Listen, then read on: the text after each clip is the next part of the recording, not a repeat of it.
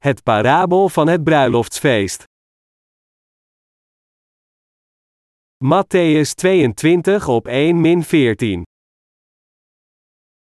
En Jezus, antwoordende, sprak tot hen wederom door gelijkenissen, zeggende: Het koninkrijk der hemelen is gelijk een zeker koning, die zijn zoon een bruiloft bereid had, en zond zijn dienstknechten uit, om de genode ter bruiloft te roepen, en zij wilden niet komen. Wederom zond hij andere dienstknechten uit, zeggende: Zegt den genode: Ziet, ik heb mijn middagmaal bereid, mijn ossen en de gemeste beesten zijn geslacht, en alle dingen zijn gereed, kom tot de bruiloft. Maar zij, zulks niet achtende, zijn heen gegaan, deze tot zijn akker, gene tot zijn koopmanschap. En de anderen grepen zijn dienstknechten, deden hun smaadheid aan, en doden hen. Als nu de koning dat hoorde, werd hij toornig, en zijn krijgsheiren zendende, heeft die doodslagers vernield, en hun stad in brand gestoken. Toen zeide hij tot zijn dienstknechten: De bruiloft is wel bereid, doch de genoden waren het niet waardig. Daarom gaat op de uitgangen der wegen, en zoveel als gij er zult vinden, roept ze tot de bruiloft. En dezelfde dienstknechten, uitgaande op de wegen, vergaderden allen, die zij vonden, beide kwaden en goede, en de bruiloft werd vervuld met aanzittende gasten. En als de koning ingegaan was, om de aanzittende gasten te overzien, zag hij al daar een mens, niet gekleed zijnde met een bruiloftskleed, en zeide tot hem: Vriend, hoe zijt gij hier ingekomen, geen bruiloftskleed aanhebbende? En hij verstomde. Toen zeide de koning tot de dienaars: Bind zijn handen en voeten, neemt hem weg, en werpt hem uit in de buitenste duisternis, daar zal zijn wening en knersing der tanden. Want velen zijn geroepen, maar weinigen uitverkoren. Laten we kijken naar de geschrifte passage van vandaag. In de geschrifte passage die we vandaag lazen, verscheen een koning. In hoofdstuk 22, vers 2 wordt er gezegd: Het koninkrijk der hemelen is gelijk een zeker koning, die zijn zoon een bruiloft bereid had. Om uitgenodigd te worden door een koning is een wonderbaarlijk iets. Als u een uitnodiging voor een lunch van een koning ontvangt, wat en hoe zou u zich voorbereiden? Als uw president u twee maanden van tevoren uitnodigt en zegt: Laten we samen dineren in het presidentiële huis, wat zou u doen om uzelf klaar te maken voor deze speciale gelegenheid? Als eerste zult u waarschijnlijk zorgen voor formele kledij. Om een presidentieel banket bij te wonen, moet u waarschijnlijk een pak of een smoking kopen geschikt voor het banket, zelfs als u daarvoor schulden moet maken. U zult uzelf een stropdas kopen en uw schoenen poetsen. U zult al deze dingen op voorhand doen en dan wachten tot de desbetreffende dag. De geschrifte passage van vandaag gaat hierover. Onze God, die de koning en de meester van de hemel is, is de hemel aan het klaarmaken en stuurt zijn dienaren erop uit om mensen uit te nodigen voor het hemelse feest. De koning bereidt het trouwfeest voor zijn zoon en nodigt mensen uit. Het enige wat mensen hoeven te doen is te komen en een bruiloftskleed te dragen. Niks anders. Alle benodigdheden, zoals de banketstoelen, banketeten, muziek, enzovoorts, zijn allemaal al klaargemaakt. Het enige dat de genodigden hoeven te doen is te komen en een bruiloftskleed te dragen. Als ze dit doen, dan kunnen ze deelnemen aan het trouwfeest. Dit trouwfeest is niet iets dat in een dag eindigt. Het bruiloftsfeest impliceert de hemel. Het bruiloftsfeest dat de koning heeft voorbereid is een bruiloftsfeest waar de bruid in eeuwig geluk met de bruidegom voor eeuwig kan leven. Het enige dat de genodigden moesten doen, ongeacht wie ze zijn, was te komen en een bruiloftskleed te dragen. Het bruiloftsfeest, waar de koning ons voor heeft uitgenodigd, is anders dan de bruiloftsfeesten die de mensen van deze wereld gewoonlijk vieren. Sinds het bruiloftsfeest waar de koning ons voor heeft uitgenodigd al voorbereid is, alles wat de gasten moeten doen is te komen en een bruiloftskleed te dragen. Maar er zijn er die dwaas zijn. Ondanks dat de koning uitnodigingen aan het versturen was voor het trouwfeest, waren er mensen die de uitnodiging niet accepteerden.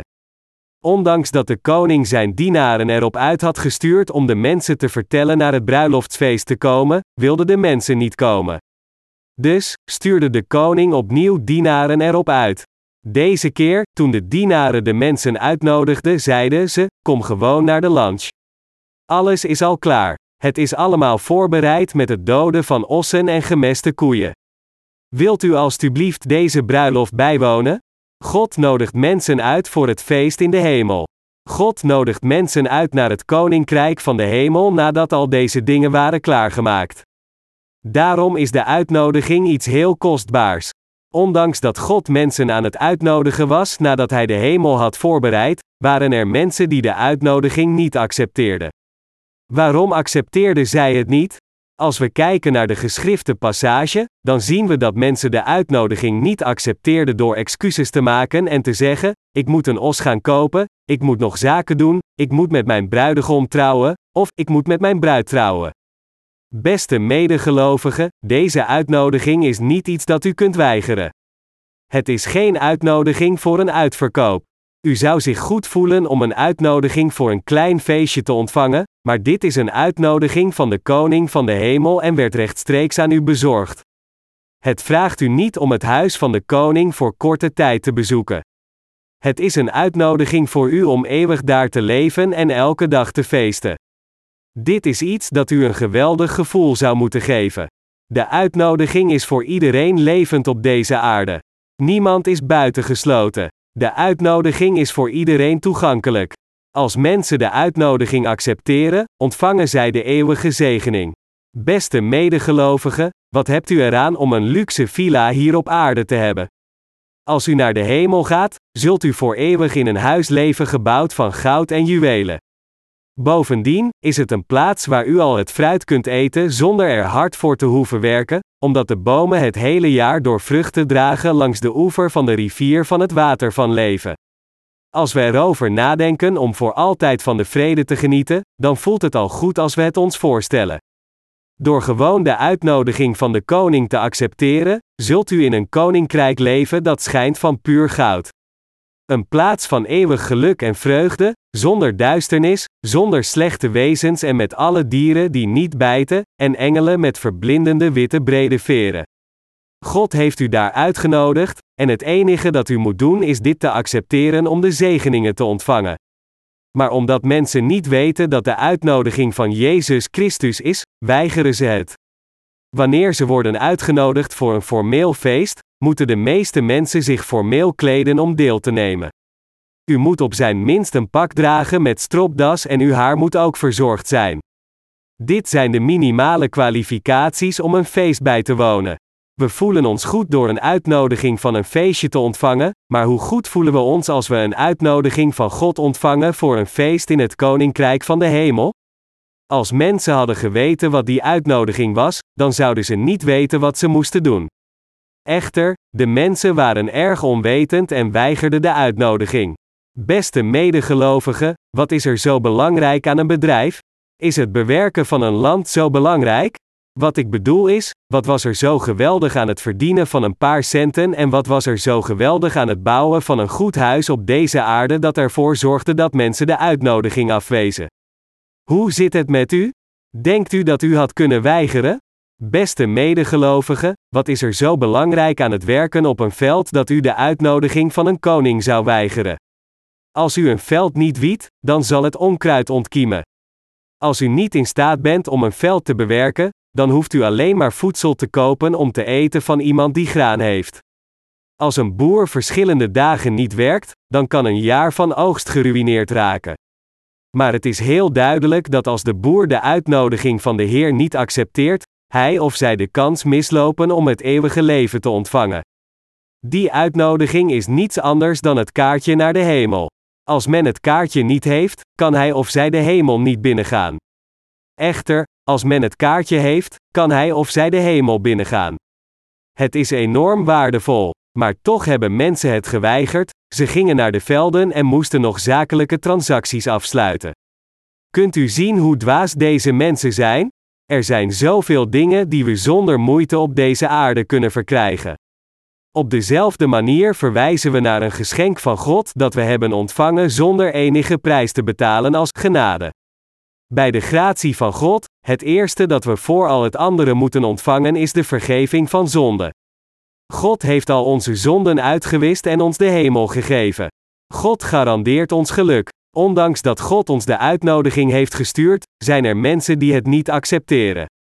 Diegenen die echt dwaze mensen zijn, die geen interesse tonen in de uitnodiging van Jezus terwijl ze op deze aarde leven, en diegenen die de uitnodiging niet accepteren, ook al houden ze het in hun handen. Uw koning heeft u een uitnodiging. Hoe kunt u het weigeren? We hebben een uitnodiging ontvangen voor de plaats waar de koning woont. Wanneer bent u ooit in staat om een paleis binnen te gaan, behalve dan door deze uitnodiging? Zal uw slimheid u helpen om het paleis binnen te gaan? Alleen als de koning de deur opent en u uitnodigt, kunnen mensen zeggen: ja, en het paleis binnengaan. Wat een eer is dit! Maar het feit dat mensen de uitnodiging van de koning weigerden is dat wat verdrietig, onwetend en onterecht is. Oneerbiedige mensen, voorgelogen door Satan, namen de dienaren van God die uitnodigen uitdroegen gevangen en doden hen. Als zij de dienaren van God sloegen, door wie worden zij later geslagen? Het is genoeg om de uitnodiging te weigeren, maar waarom de dienaren van God slaan? Deze mensen zullen de woede van God ontvangen en naar de hel gaan omdat hun harten volledig slecht en gemeen zijn en omdat ze vijandschap tonen tegenover de dienaren van God. Omdat de mensen spijt hadden, nodigde de koning hen nogmaals uit. De koning wilde samen met zijn mensen leven, en niet alleen. De wens van de koning was om al de mensen levend op aarde naar de hemel te brengen en samen met hen te leven. Maar de mensen kwamen niet. Niet alleen kwamen ze niet, ze grepen Gods dienaren en sloegen hen. Ze sloegen hen zo erg dat zij hen doden. Maar toch voelde het hart van de koning nog genoeg medelijden dat hij opnieuw dienaren erop uitstuurde. Hoor me, ga nog een keer. Misschien zijn er mensen die het zullen accepteren. Ga. De dienaren gingen opnieuw. Ze spraken nog een keer, maar de mensen namen hen opnieuw gevangen en doden hen. Maar de meester nodigde hen opnieuw uit, zeggend: Nee, ik kan hier niet alleen leven. Ondanks herhaaldelijke uitnodigingen kwamen de mensen niet. Uiteindelijk zei de koning: Ga de straat op, ga de snelweg op, en nodig iedereen uit, of ze nu goed of slecht zijn. Maak de aankondiging en breng ze gewoon hier. Zoveel als u vinden kunt, nodig hen uit voor het trouwfeest en breng ze hier. Wij Koreanen waren in het verleden ook zo. Als een bepaalde buurt een trouwfeest hield, dan vierden zelfs diegenen die voorbij kwamen mee en genoten van het feest. Als er een trouwfeest in de buurt is, hoeven mensen geen lunch te kopen. Het enige dat ze hoeven te doen is naar het feest te gaan. Als mensen er naartoe gaan en zeggen: Goedendag en gefeliciteerd, dan hadden ze zoveel voedsel gekregen dat de tafel door zijn poten zou zakken. De dienaren van God gingen de straten in en nodigden de mensen uit, en veel mensen kwamen. Maar er was nog steeds een probleem. Tot die tijd konden alleen de mensen die een uitnodiging ontvingen naar het feest komen. Echter, er staat geschreven, en als de koning ingegaan was, om de aanzittende gasten te overzien, zag hij al daar een mens, niet gekleed zijnde met een bruiloftskleed, en zeide tot hem: Vriend, hoe zijt gij hier ingekomen, geen bruiloftskleed aanhebbende? En hij verstomde. Toen zeide de koning tot de dienaars: Bind zijn handen en voeten, neemt hem weg, en werpt hem uit in de buitenste duisternis, daar zal zijn wening en knersing der tanden. Want velen zijn geroepen, maar weinigen uitverkoren. Matthäus 11 over 10 s'avonds min 14. Gelooft u dat u gekozen bent? God heeft alle mensen voor het feest uitgenodigd. God heeft iedereen gekozen op deze aarde. Het maakt niet uit of u goed of slecht bent. God heeft niemand achtergelaten. God heeft iedereen uitgenodigd om gast te zijn op het trouwfeest van zijn zoon. God heeft alle mensen in Jezus Christus gekozen. Toen de koning kwam om naar de gasten op het feest te kijken, was er iemand die kwam zonder een bruiloftskleed te dragen. Zouden we niet op zijn minst de gewoonte moeten hebben om een bruiloftskleed te dragen als we worden uitgenodigd voor een bruiloft? Echt waar, Jezus Christus is de koning. Als we worden uitgenodigd door de koning, moeten we op zijn minst beleefd blijven. Jezus, de koning der koningen, heeft u en mij uitgenodigd, dus is het niet gepast dat diegenen die een uitnodiging hebben ontvangen om daarheen te gaan een bruiloftskleed dragen. Het is niet meer dan normaal maar naar dat feest te gaan met een bruiloftskleed. De geschrifte passage vraagt u of u voorbereid bent om het bruiloftsfeest bij te wonen, gehouden door de koning, door een bruiloftskleed te dragen. Het vertelt ons dat diegenen die het bruiloftskleed niet dragen eruit worden gegooid. Maar diegenen die de juiste kleding dragen, zullen voor eeuwig van het bruiloftsfeest genieten samen met de koning. Alle mensen, als zij in Jezus Christus geloven, worden uitgenodigd. Als mensen de uitnodiging ontvangen en accepteren, mogen zij het feest bijwonen. Maar ze moeten komen een bruiloftskleed dragend. Als iemand komt zonder een bruiloftskleed, zal hij of zij eruit worden gegooid. Wat is een bruiloftskleed? Er werd gezegd dat iemand naar het trouwfeest kwam zonder een bruiloftskleed te dragen. Dit betekent dat ondanks dat de persoon kleren droeg, hij of zij niet de juiste kleding voor het trouwfeest droeg. Het kleed verwijst naar het hart dat geen zonde heeft, dat de vergeving van zonde heeft ontvangen. De uitnodiging van Jezus accepterend, kan men niet gaan met zonden in zijn of haar hart. Zonder de vergeving van zonde te ontvangen is wat het betekent om zonder het bruiloftskleed te gaan. De uitnodiging ontvangend, als men zou gaan en in het koninkrijk van de hemel met de zonde nog steeds in iemands hart zou verblijven, dan wordt die persoon door God eruit gegooid. Dat is omdat de persoon het feest bijwoont door onacceptabele kleren voor God te dragen, en niet het bruiloftskleed. Het hart van een persoon is bedrieglijk boven alle dingen en wanhopig slecht, Jeremia 17 vers 9. Als een persoon een zonde pleegt, dan wordt deze zonde in de tablet van zijn hart gegraveerd, Jeremia 17 vers 1. Zodat mensen voor de koning kunnen komen, moeten ze op zijn minst geen gewetensbezwaren in hun hart hebben. Kan een persoon voor de koning komen met nog steeds zonden in zijn of haar hart, niet de vergeving van alle zonden ontvangend? Al de zonden en overtredingen die een persoon heeft begaan staan in het hart van de persoon geschreven. In deze toestand kunnen mensen zelfs niet voor God staan. Hoe kunnen ze met de koning eten en aan dezelfde tafel zitten? Mensen moeten de uitnodiging van God accepteren als zij de vergeving van zonden in hun hart hebben ontvangen om op het gemak met de koning te dineren. Mensen kunnen het koninkrijk allen binnengaan nadat zij de vergeving van zonden in hun harten hebben ontvangen. Mensen moeten naar het trouwfeest komen door het bruiloftskleed te dragen. Of mensen het kleed van zonden of het kleed van de rechtvaardigheid van Jezus Christus in hun harten dragen is iets heel belangrijks. Het ware kleed dat mensen moeten dragen als ze uitgenodigd worden door de koning is het kleed van het hart dat zonder zonden is.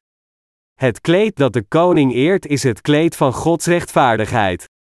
Wie kleren van gerechtigheid draagt, na de vergeving van zonden in het hart ontvangen te hebben, kan naar het trouwfeest van de Heer komen. Mensen geloofden in Jezus nadat ze zijn uitnodiging hadden ontvangen. Maar ze hadden nog steeds zonden in hun harten. Wat zal er met zo'n persoon gebeuren? Heeft God niet gezegd dat hij hen eruit zou gooien? Zou die persoon zich schamen? Ze zitten op het feest, nadat zij de uitnodiging voor het trouwfeest gehouden door de koning hebben ontvangen, maar als de meester in de ronde kijkt, vestigt hij zijn blik op deze persoon. De persoon denkt, hij toont interesse in mij omdat ik iets nieuws draag. Iedere andere draagt wit linnen, maar hij is in mij geïnteresseerd omdat ik iets moderns draag ontworpen door André Kim. Hij baant zich een weg om wat voedsel te eten, alsof hij de koning niet heeft gezien.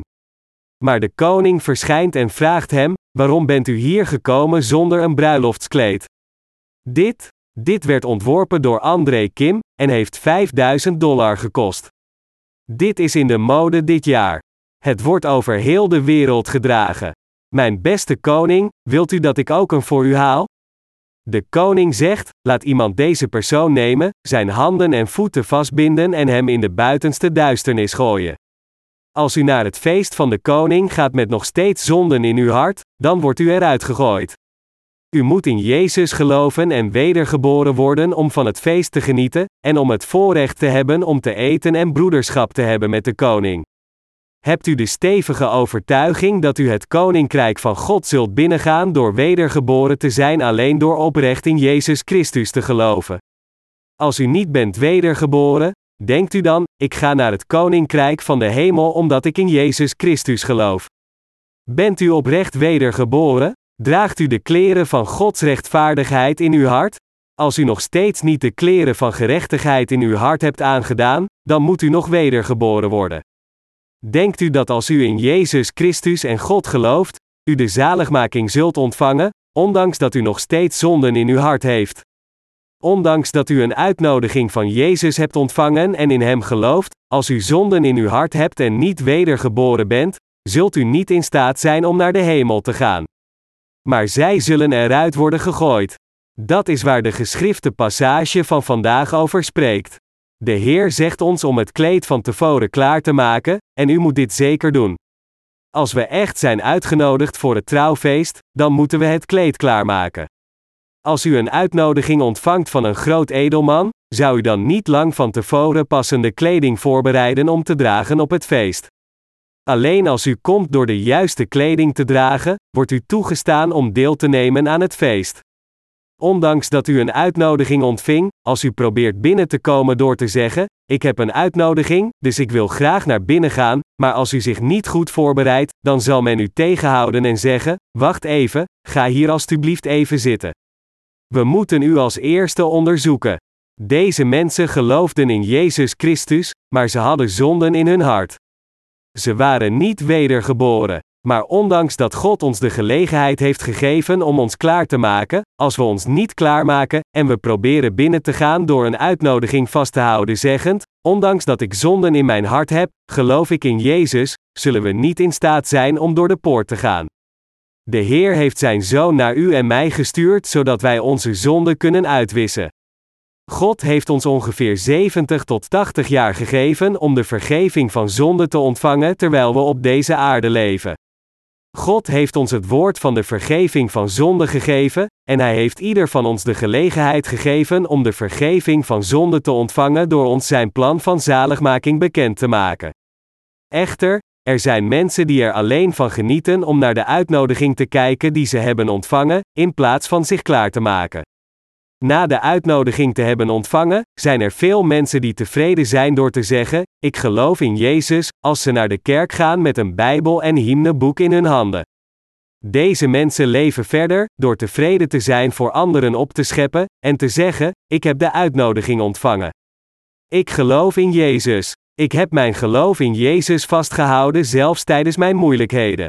Ik ben uitgenodigd door God. Ik geloof hierin. Er zijn nog steeds heel veel mensen die zonden in hun hart hebben, ondanks dat zij de uitnodiging ontvangen hebben. Dit zijn de mensen die alleen de uitnodiging hebben zonder de vergeving van zonde te hebben ontvangen. Zelfs in dit tijdperk blijven zij naar de kerk gaan door hun beste kleding te dragen, met de uitnodiging in hun zak zodat het gezien kan worden door anderen, ondanks dat zij niet gereinigd zijn van hun zonde. Ik ben uitgenodigd. Ik ga naar het koninkrijk van de hemel. Gelooft u in Jezus? Ja, dat doe ik. Jezus is de Zoon van God. Wist u dat? Degene die dit universum schiep heeft mij uitgenodigd. Hij vertelde mij dat hij mij naar de hemel zou brengen. Begrijpt u dit? Hij zei dat hij mij gered heeft. Dus, ik ben gered. Weet u naar welke kerk ik ga? Ik ga naar een kerk die rijk is aan tradities. Ik ga naar een beroemde kerk. Kent u de kerk? Ze wisselen hun kleren elke dag, maar hun harten proberen ze niet te veranderen. Wat moeten we doen om het koninkrijk van de hemel binnen te gaan? Samen met de uitnodiging moeten we het juiste kleed hebben. We kunnen geen zonden in onze harten hebben. Ondanks dat de mensen de uitnodiging goed dragen, hebben ze zonden in hun harten. Zonder enige interesse te hebben om de zonden in hun hart uit te wissen, komen ze en proberen binnen te komen wanneer Jezus zegt: Kom binnen al diegenen die een uitnodiging hebben. Maar er is een tweede barrière die we moeten passeren. Zelfs in deze wereld is er een beoordelingsproces om een acteur of actrice te worden. Er is ook een beoordelingsproces om een schoonheidskoningin te worden. Waarom zou er dan geen beoordelingsproces zijn om de hemel binnen te gaan? Er is altijd een beoordelingsproces geweest om de hemel binnen te gaan. Kom naar deze poort. Ga niet naar die poort, begrijpt u dat? Ja, diegenen die de uitnodiging hebben ontvangen zijn nog steeds go-edge manierd, dus gaan ze niet waar hen verteld wordt niet binnen te gaan. Zit iedereen? Ja, de koning kijkt naar alle mensen en zegt: Dit is heel goed. Zoveel mensen zijn gekomen in antwoord op mijn uitnodiging. Diegenen die de uitnodiging in hun binnenzak hebben zitten, kunnen nauwelijks gezien worden. Mensen proberen te pronken met hun uitnodiging, maar diegenen die het bruiloftskleed niet dragen, kunnen gemakkelijk gezien worden. Dan gaat de Heer naar een man die geen bruiloftskleed draagt en vraagt: Hoe bent u hier gekomen? De man antwoordt en zegt dat hij kwam omdat hij de uitnodiging ontving. Ik ben van geboorte christen en geloof in Jezus sinds ik geboren ben. Een andere man zegt: Ik ben een persoon die een leven van geloof heeft geleid in een bekende geloofgemeenschap. Het is een geloofgemeenschap vol traditie. De koning vraagt dan: Hebt u zonden in uw hart? Ja, er zitten zonden. Beste gelovigen, onder diegenen die de uitnodiging ontvangen, zijn de ogen van de koning op diegenen gericht die oprecht geen zonden in hun harten hebben. God kijkt en wacht, niet op diegenen die doen alsof ze geloven van de buitenkant, maar op diegenen die op de Heer hebben gewacht, zeggend: O Heer, Jezus, kom alstublieft. Deze oprechte gelovigen hebben geen zonden in hun harten, terwijl ze God bedanken voor hun redding ondanks dat ze niet perfect zijn. De koning roept en verzamelt al diegenen die naar het feest gekomen zijn zonder het bruiloftskleed. U mijn dienaar, hoor mij. Bind al deze mensen samen. Dan antwoorden de zondige christenen: Waarom doet u dit? Komen we zo niet naar de hemel? O Heer, mijn koning, bindt u ons omdat we het verkeerd hadden? Dan zegt de koning: Stilte. Niet bewegen. Hoor mij. Open het achterste hek. Gooi hen in de duisternis. Onder diegenen die de uitnodiging van de koning hebben, diegenen die het bruiloftskleed dragen, krijgen toestemming om het feest in de hemel bij te wonen, maar diegenen die niet het bruiloftskleed dragen, worden eruit gegooid. Beste medegelovigen, iedereen moet in Jezus Christus geloven en wedergeboren worden. Dat is waarom Jezus in het Evangelie van Johannes hoofdstuk 3 zegt dat tenzij iemand geboren is uit water en de geest, hij het koninkrijk van God niet kan zien noch kan binnengaan. Mensen moeten wedergeboren zijn. Ze moeten hun zonden uitwissen. Ze moeten in Jezus geloven en geen zonden in hun hart hebben om het koninkrijk van de hemel binnen te gaan. De koning had mensen uitgenodigd, en hij had diegenen die geen bruiloftskleed droegen eruit gegooid. Dit vertelt ons, alleen diegenen die een bruiloftskleed dragen mogen binnenkomen. Als u uw zonden uit uw hart hebt gewist, betekent dit dat u wedergeboren bent. Bent u oprecht wedergeboren door het doopsel van Jezus Christus? Wedergeboren te worden is heel gemakkelijk. God heeft ons de uitnodigingskaart gegeven, en aan de onderkant van de uitnodigingskaart heeft Hij geschreven wat we moeten doen om ons voor te bereiden. Als we kijken naar de dingen die we moeten klaarmaken op de uitnodigingskaart, dan staat er geschreven: Jezus Christus, mijn zoon, heeft al uw zonden overgenomen toen hij het doopsel ontving. Daarom kom, nadat u het feit hebt bevestigd en de verlossing van de zonden in uw hart hebt ontvangen. God heeft alles opgeschreven in de lijst van dingen die we moeten doen. Wedergeboren te worden is gemakkelijk. Sommige mensen prediken het evangelie met zoveel moeilijkheid. Maar als ik het evangelie predik, dan lijkt er niets gemakkelijker dan het evangelie te verspreiden. Toen Jezus Christus het doopsel ontving, nam hij al onze zonden op zich. Hij betaalde de prijs voor alle zonden door de zonde van de wereld te dragen, en plaatsvervangend aan het kruis voor ons te sterven, een indirect lijden voor het oordeel. Ons hart is fundamenteel corrupter dan alle dingen, Jeremia 17 vers 9. We moeten deze waarheid aan mensen vertellen. Als menselijk wezen levend op deze aarde, kunt u het niet vermijden zonde te plegen.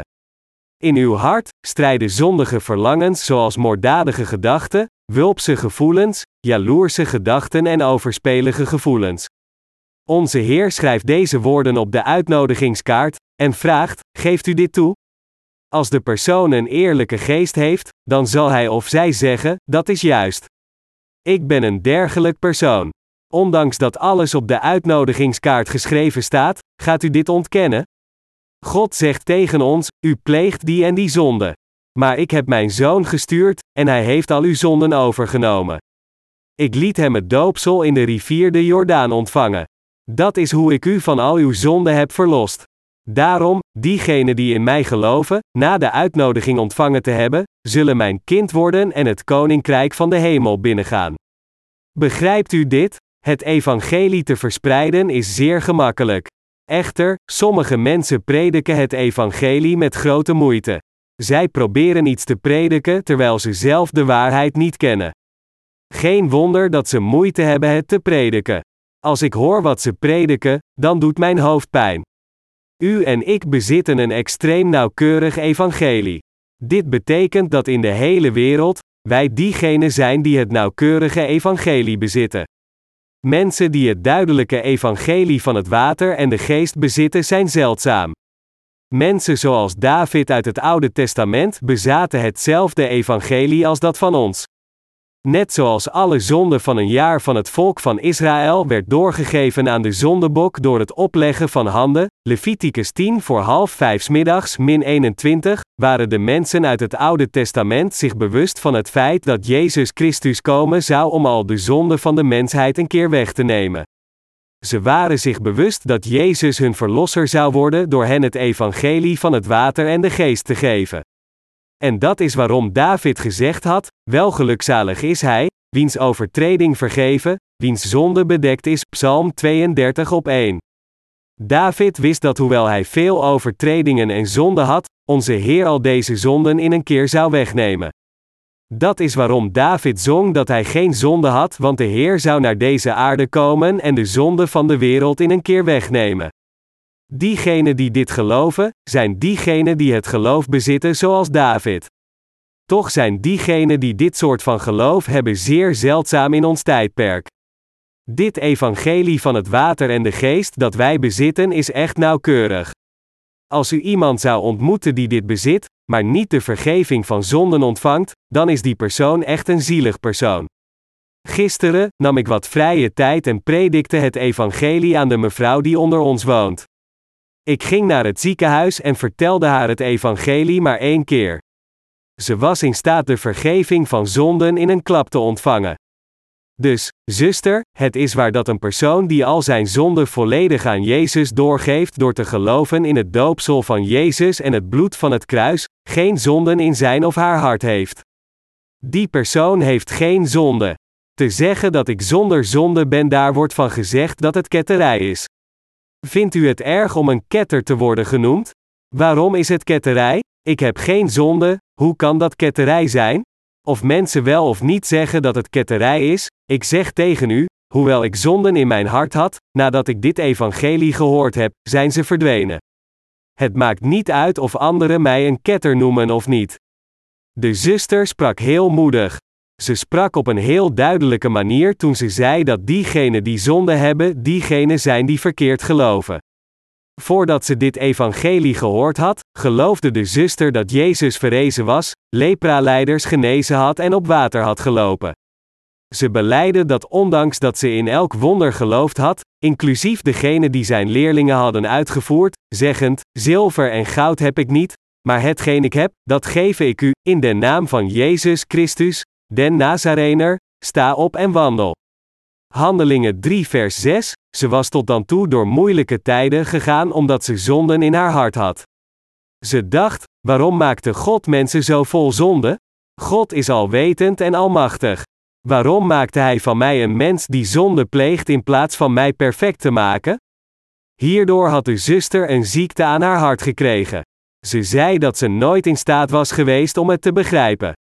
De zuster zei dat ze niet kon begrijpen waarom God de zonde had gemaakt om in haar hart te blijven. Ondanks het feit dat als God alwetend en almachtig is, er niets is dat hij niet kan doen.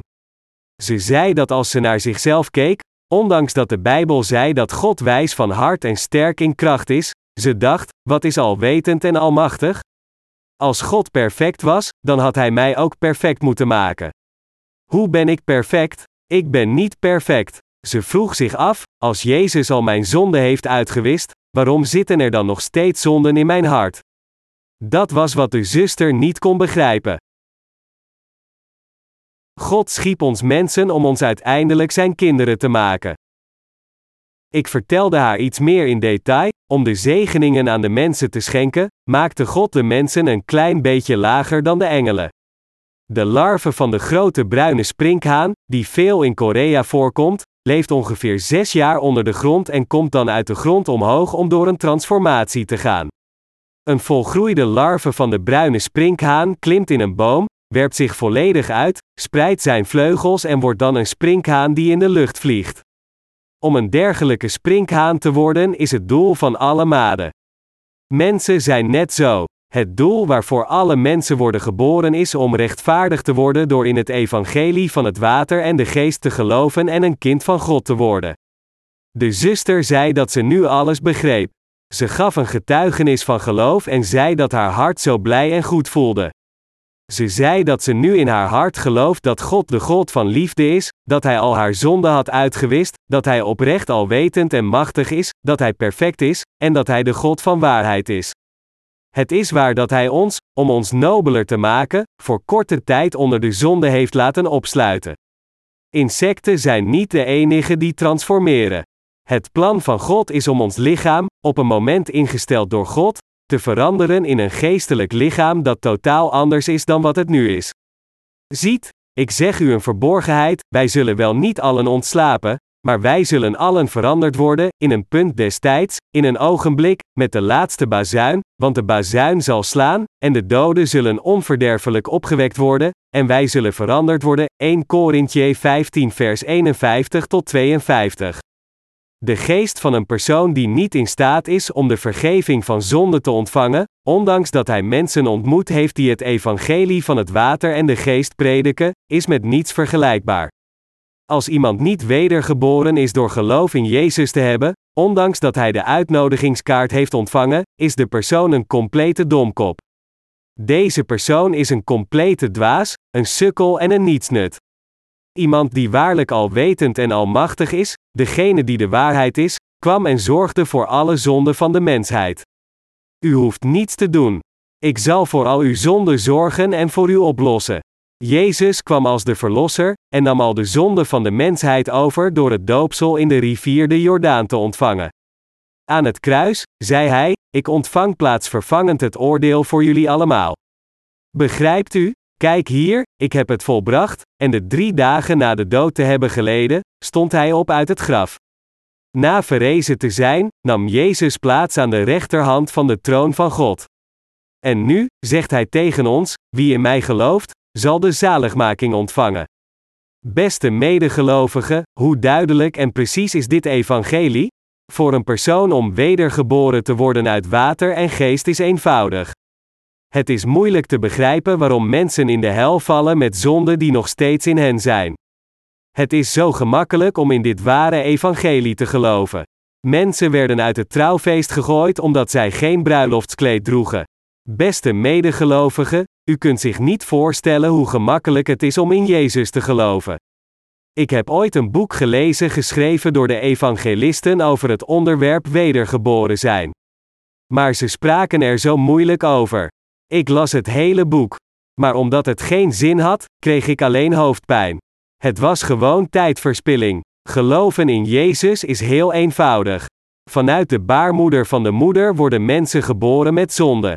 Deze zonden zijn slechte gedachten, overspel, hoererijen, moorden, diefstallen, hebzucht, slechtheid, bedrog, schandelijkheid, een slecht oog, godslastering, trots en dwaasheid, Marcus 7 vers 21 tot 22.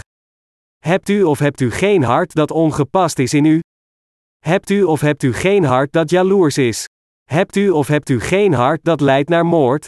Iedereen heeft ze. Iedereen wordt met deze zonde geboren. Zijn uw gedachten slecht, of zijn ze niet slecht? Als het nuttig is, praten we lief tegen iemand en zeggen: Mijn beste vriend zo en zo.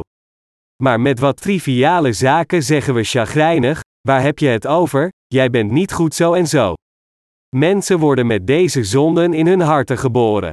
Ongeacht hoe vaak iemand belooft het niet nog een keer te doen, dergelijke dingen blijven van binnenuit komen. Dat is waarom mensen niet anders kunnen dan zonde te plegen. Wij mensen zijn allemaal zondaars. De Bijbel zegt: arglistig is het hart, meer dan enig ding, ja, dodelijk is het, wie zal het kennen? Jeremia 17 vers 9. Wat betekent meer dan enig ding? Het zijn alle planten, mineralen en dieren. Bijvoorbeeld, laten we zeggen dat we heerlijk voedsel eten, zoals een groente- en vleesschotel met pasta, cake en andere dingen, met verschillende ingrediënten. Laten we zeggen dat we alle resten samen met het gebruikte afwaswater en voedselafval in een grote pot doen voor twee of drie dagen. Al het afval zakt naar de bodem en de inhoud van de pot lijkt in eerste instantie niet zo slecht. Maar wat gebeurt er als we er met een houten stok in gaan roeren? Als we roeren, komen al de smerige voedselresten bovendrijven. Opgezwollen pasta samen met vissenkoppen en opgezwollen rijst zo groot als een boon komen bovendrijven. Stelt u zich voor hoe vreselijk de stank zou zijn. De stank en viezigheid zullen samen naar boven komen. Bedorven dingen zullen in een smerige boel boven komen drijven. Het hart van een persoon is corrupter dan al deze dingen. Het menselijk hart is smeriger dan de dingen die in een vuilnisbak worden gegooid. Mensen zien er aan de buitenkant misschien goed uit, maar wanneer we in hun hart kijken en hen aansporen zodat de dingen binnenin eruit vallen, kun je zien hoe smerig en verrot hun hart werkelijk is. Probeer een persoon eens op een gevoelig punt te raken, of probeer een wond in zijn of haar hart toe te brengen om de trots van een persoon te schaden. Er zullen meteen smerige woorden uitkomen, wat? Hey, jij zo en zo. Jij niets nut. Wil je graag sterven? Een beeld dat in contrast staat met het heilige beeld dat de persoon had, zal naar buiten komen. Er zijn hier veel zusters, en ik dacht altijd dat zusters allemaal engelen waren. Tot ik ongeveer 15 jaar oud was en vrouwelijke studenten goed en netjes gekleed zag gaan dat in schril contrast stond met mijn smerig uiterlijk. Ik dacht dat deze vrouwelijke studenten engelen waren. Ik dacht omdat ik zo'n smerig mens was, ik niet in de buurt van deze vrouwelijke studenten kon komen. Ik kwam er echter achter dat deze vrouwelijke studenten niet anders waren dan ik, zo niet nog erger. Al deze vrouwelijke studenten spraken over dingen en deden dingen net zoals ik. Ik dacht dat vrouwen anders waren. Maar ik ontdekte dat de menselijke harten allemaal hetzelfde waren. Wanneer u de binnenkant van iemands hart schudt, kunt u zich niet voorstellen hoeveel kwaad eruit valt.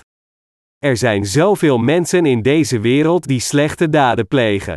We ontmoeten deze mensen iedere dag in de krant. Deze mensen zijn niet anders dan u en ik.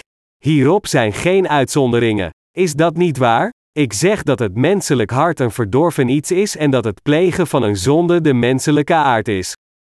Menselijke wezens zijn allemaal zondaars, en alle menselijke wezens moeten naar de hel gaan tenzij iemand de prijs voor hun zonde betaalt. Jezus kwam naar deze aarde en ontving het doopsel in de rivier de Jordaan. Hij had elke zonde van de hele mensheid volledig op zich genomen, of het nu een zonde in het menselijke hart of een zonde van overtreding is. Te geloven dat al de zonden van de mensheid werden doorgegeven aan Jezus Christus is precies wat wedergeboren is, de vergeving van zonden ontvangend. Hoewel mensen oorspronkelijk geboren worden als zondaars, worden zij wedergeboren als de rechtvaardige zonder zonde, omdat zij al de zonden aan Jezus Christus hebben doorgegeven door in het ware evangelie te geloven.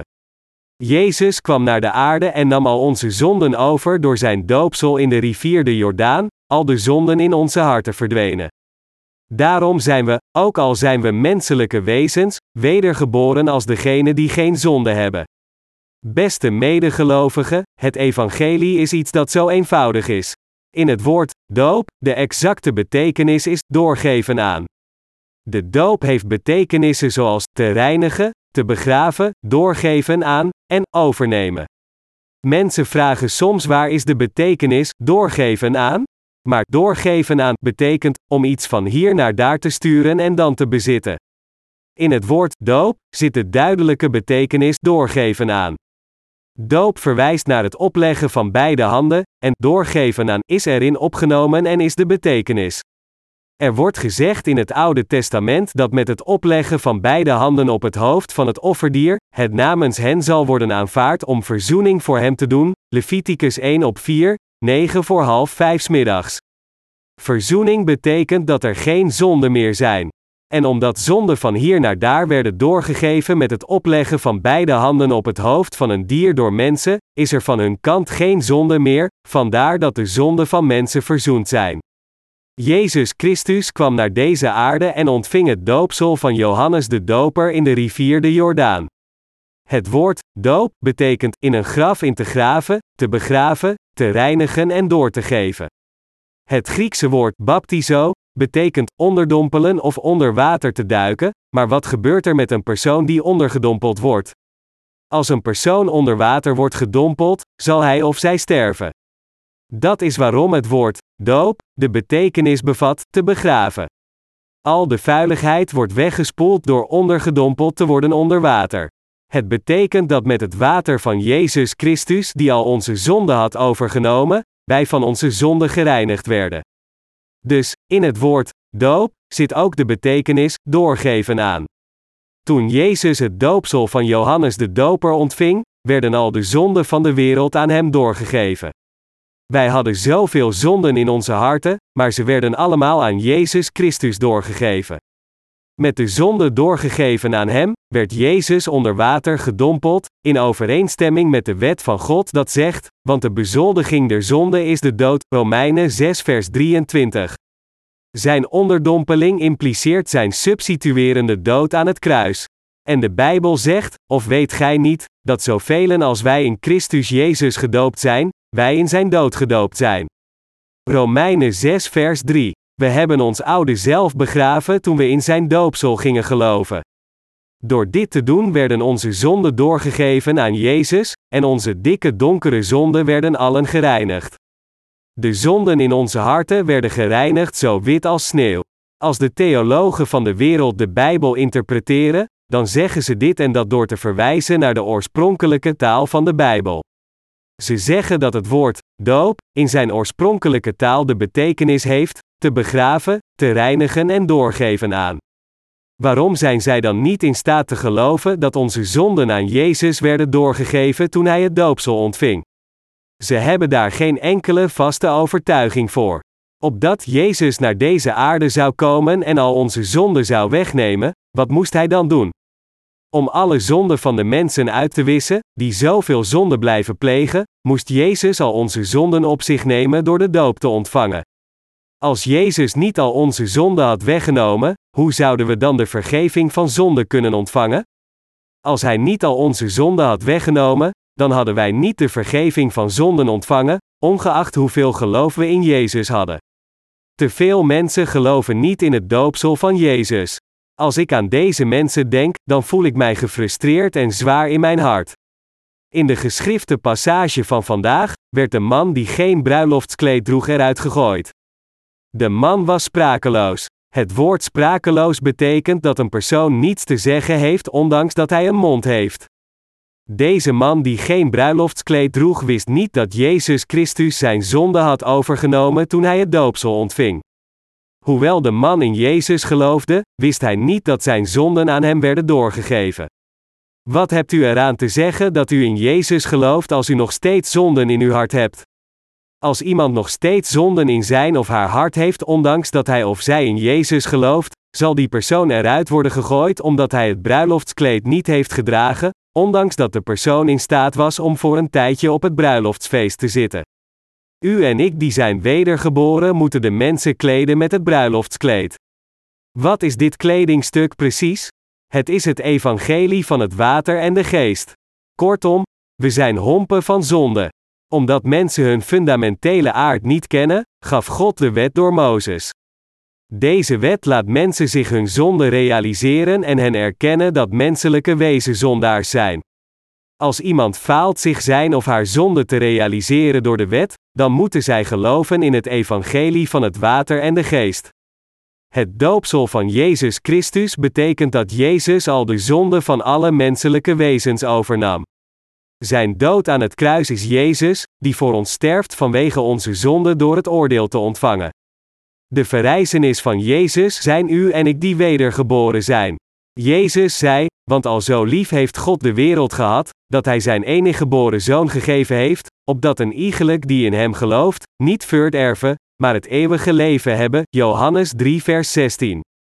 De doop van Jezus Christus, de dood aan het kruis en de opstanding zijn de liefdevolle bedieningen die ons vertellen dat God ons heeft gered van al onze zonden omdat Hij van ons hield. Ze vormen redding, wat betekent dat Hij ons heeft toegestaan opnieuw te leven door ons rechtvaardig te maken. Beste medegelovigen, ik kan niet begrijpen waarom mensen niet geloven in het feit dat God de Vader, die alwetend en almachtig is, ons het kleed heeft gegeven door zijn enige geboren zoon, Jezus Christus, naar deze aarde te sturen en hem al onze zonden liet uitwissen en ons rechtvaardig maakte. Hoewel mensen apostolische geloofsbelijdenissen uit het hoofd kunnen leren, geloven ze niet in het evangelie van het water en de geest waar de apostelen in geloofden. Toen Jezus Christus naar deze aarde kwam en het doopsel in de rivier de Jordaan ontving, had Hij ons het kleed van rechtvaardigheid gemaakt. We waren in wezen hompen van zonde. Onze harten en ons vlees waren vervuld met zonde. Dat komt omdat we kleding met vuil hadden gedragen. Omdat onze harten vol smerigheid zaten, waren we niet in staat het heilige koninkrijk van God binnen te gaan. Dat is waarom Jezus Christus naar de aarde kwam en ons van al onze zonden reinigde.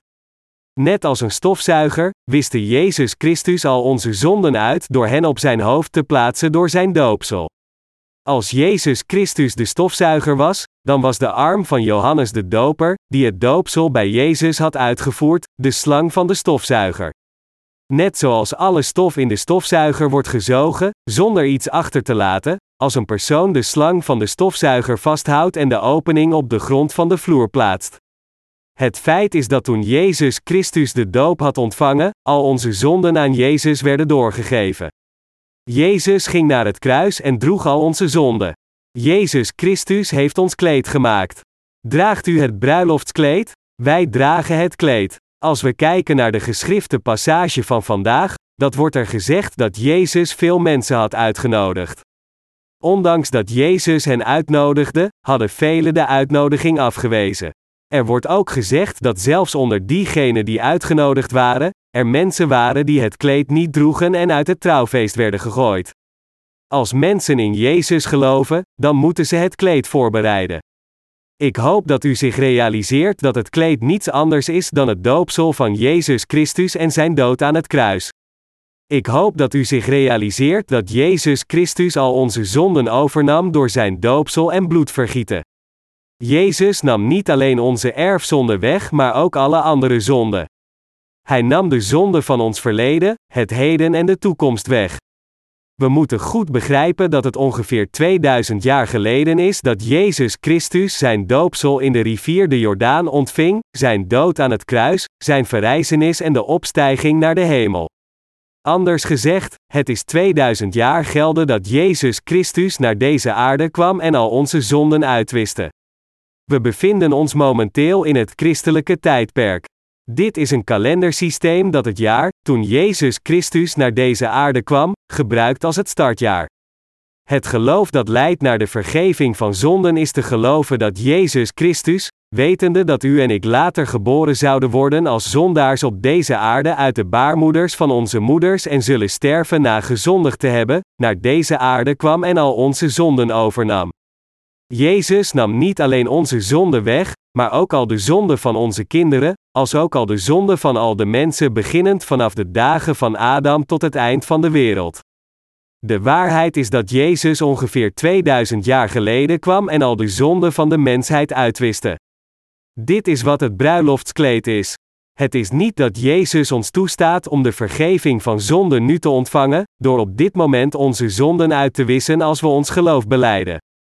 Door de zonden al lang geleden te hebben uitgewist, heeft Hij ons toegestaan om de vergeving van zonde te ontvangen wanneer we in dat feit geloven. We ontvangen de vergeving van zonde door te weten en te geloven in het werk dat Jezus ongeveer 2000 jaar geleden volbracht. De Heer heeft ons op deze manier gekleed in het bruiloftskleed. Ik hoop dat u uw familieleden ook met dit bruiloftskleed zult kleden. We leven op deze aarde voor een korte tijd. Als we de vergeving van zonden ontvangen en het bruiloftskleed in die tijd aandoen, dan kunnen we het koninkrijk van de hemel binnengaan. Als we het bruiloftskleed dragen, worden we de kinderen van God. Als de kinderen van God bidden, zal God antwoorden, en ze zullen Gods hulp ontvangen. Dit brengt vrede en vreugde naar onze harten. Als we de Bijbel lezen, dan begrijpen wij het woord. We begrijpen in onze harten waar de Bijbel over praat, en daar vereist het hart van rechtvaardigheid dat ons in staat stelt rechtvaardige dingen te doen. U moet het bruiloftskleed dragen. Hebt u allen het bruiloftskleed gedragen? Diegenen die het bruiloftskleed dragen zijn rechtvaardig geworden. Zij zijn niet langer zondaars. Met geloof hebt u al de kleren van zonden uitgetrokken en hen aan Jezus Christus gegeven. Nu dragen we het kleed van God, het nieuwe kleed van het koninkrijk van de hemel. Als een persoon de vergeving van zonden ontvangt, dan woont de Heilige Geest in het hart van die persoon. De Heilige Geest komt in het zondeloze hart en verandert ons in een nieuwe creatie die zonder zonden is. God heeft al onze zonden weggenomen zodat ze nooit meer in onze harten kunnen komen, zelfs als we fouten begaan vanuit onze zwakheid. Mensen die het bruiloftskleed dragen zijn de rechtvaardigen. Zij zijn geen zondaars. Als het hart van een persoon nog steeds zonde heeft, dan is die persoon geen rechtvaardig persoon. Die persoon is niet iemand die het bruiloftskleed draagt. Diegenen die oprecht het bruiloftskleed dragen zijn de rechtvaardigen. U moet nooit iemand worden die eruit wordt gegooid ondanks het geloof in Jezus Christus. Er is niets moeilijker dan in Jezus te geloven zonder wedergeboren te zijn. Mensen die proberen het koninkrijk van de hemel binnen te gaan zonder het bruiloftskleed zijn precies dezelfden als diegenen die proberen de maan te bereiken door te lopen. Kan een persoon de maan bereiken door te lopen? Nee, dat is onmogelijk. Er is geen mens die over de Niagara watervallen kan springen, laat staan naar de maan lopen. U moet een bruiloftskleed aan hebben. Zonder een bruiloftskleed te dragen, kunt u nooit naar het bruiloftsfeest in de hemel gaan.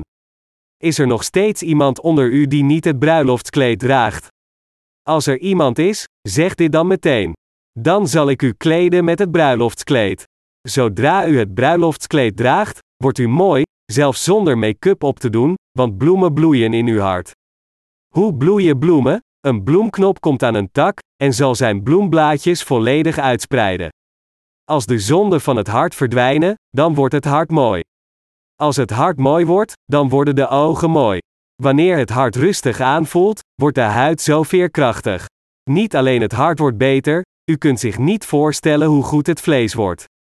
Ondanks dit alles lopen mensen rond met een wrange blik omdat ze het bruiloftskleed niet hebben gedragen. Bij het plegen van een kleine zonde, beschuldigen zij zichzelf en vervallen in een schuldgevoel, zeggend: Oh nee, nu schaam ik me. Ik dacht dat mijn hart rein was. Beste medegelovigen, er was een man bij het bruiloftsfeest die geen bruiloftskleed aan had. De man zat op het feest gehouden door Jezus, maar hij werd er al snel uitgegooid. Maar er waren diegenen die het bruiloftskleed wel droegen. Zij gingen het koninkrijk van de hemel binnen.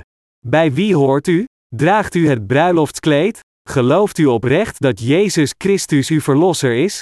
Gelooft u dat Jezus Christus al uw zonden overnam toen hij het doopsel ontving? In deze wereld waarin wij leven, zijn er te veel mensen die zich niet bewust zijn of dit feit. Als ik mensen zie die in Jezus geloven zonder wedergeboren te zijn, dan voel ik me alsof ik verstikt word. Mensen blijven in Jezus geloven door hun eigen groepen te vormen, zoals het katholicisme, het protestantisme, het mormonisme, het adventisme, Jehovah's getuigen en vele andere. Maar omdat zij allemaal niet zijn wedergeboren, blijven zij in Jezus geloven zonder het bruiloftskleed aan te doen. Ik ben zo gefrustreerd door diegenen die bekennen dat ze in Jezus als hun verlosser geloven, maar 99,9% van hen weet niets over het doopsel van Jezus. Weet u hoe onwetend ze zijn? Wanneer hen gevraagd wordt: waarom heeft Jezus het doopsel ontvangen? antwoorden zij: hij ontving het doopsel omdat hij nederig was. Is Jezus onze leraar van moraal? Tijdens de Chosun-dynastie in Korea, 1392 tot 1910 na Christus, waren er publieke scholen genaamd Hayang-kyo. Er was een schoolmeester in elke Hayang-kyo. Via de heilige boeken van het Confucianisme leerde hij regels voor etiketten aan de studenten. Toen ik in Changwon City aan het werk was, was er naast onze kerk een Hayang-kyo. Zelfs toen droegen ouderen van de juiste leeftijd traditionele hoeden zoals die van een leraar in een dorpsschool lang geleden. Ze maakten luide schraapgeluiden met hun keel met een lange pijp in hun mond. Ik zag een persoon de Hayang Kyo bezoeken. Hij signaleerde van naar binnen dat hij was gearriveerd door zijn keel luid te schrapen, en de schoolmeester in de klas reageerde ook met een schraapgeluid. Toen opende de schoolmeester de deur en ging naar buiten. Zij begroeten elkaar plechtig en gingen toen de kamer binnen. Het kan gezegd worden dat de schoolmeesters van Hayang Kyo leraren waren van moraal. Beste medegelovigen, is Jezus zoals de schoolmeester in een Hayang Kyo? Helemaal niet. Wie is Jezus? Jezus is de verlosser van alle zondaars. Hij is de zoon van God en de hoge priester van de hemel. Echter, veel mensen zijn onwetend over deze waarheid. Diegenen die het bruiloftskleed dragen gingen naar het feest in de hemel. Diegenen die niet het bruiloftskleed dragen werden eruit gegooid. Het bruiloftskleed is het doopsel dat Johannes de Doper had uitgevoerd op Jezus. Ik bid dat u weet en gelooft dat Jezus Christus al uw zonde heeft uitgewist door het doopsel te ontvangen, en het kleed van de rechtvaardigheid voor ons is geworden. Als ik dit zeg, verzetten zich diegenen die dit niet geloven hiertegen door te zeggen: hoe werden de zonden doorgegeven aan Jezus toen hij de doop ontving? Ik maak dan een argument tegen hen met het woord, zeggende: laten we nu, in plaats van door te ratelen met onze eigen gedachten, de waarheid achterhalen met behulp van de Bijbel. De Bijbel in de originele taal en de vertaalde Bijbel zijn beide goed. Het woord van God zegt een ding, maar u zegt iets anders. U kunt nog steeds niet geloven dat het doopsel van Jezus al onze zonde heeft weggenomen? Of zij het geloven of niet, zelfs als ik het een miljoen keer zeg, ik kan niets anders zeggen, het bruiloftskleed dat we aan moeten hebben is het evangelie van het water en de geest. Beste geliefde medeheilige, ik geef mijn dankbaarheid aan God omdat de Heer ons toestaat wedergeboren te worden. Door ons met het bruiloftskleed te kleden, heeft de Heer ons toegestaan het koninkrijk binnen te gaan. Als ik eraan denk dat de Heer persoonlijk het ware kleed voor ons maakt en ons er dan meekleedt, word ik dankbaar.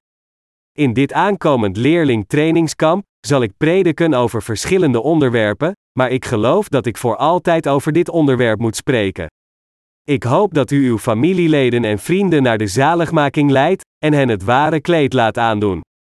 Diegenen die dit kleed dragen, zullen zeker het koninkrijk van de hemel binnengaan. Ik hoop dat u en ik, die al wedergeboren zijn uit water en geest, al onze inspanningen in het werk van het kleden van andere zielen met het kleed zullen steken, zodat er niemand is die niet naar de hemel kan gaan.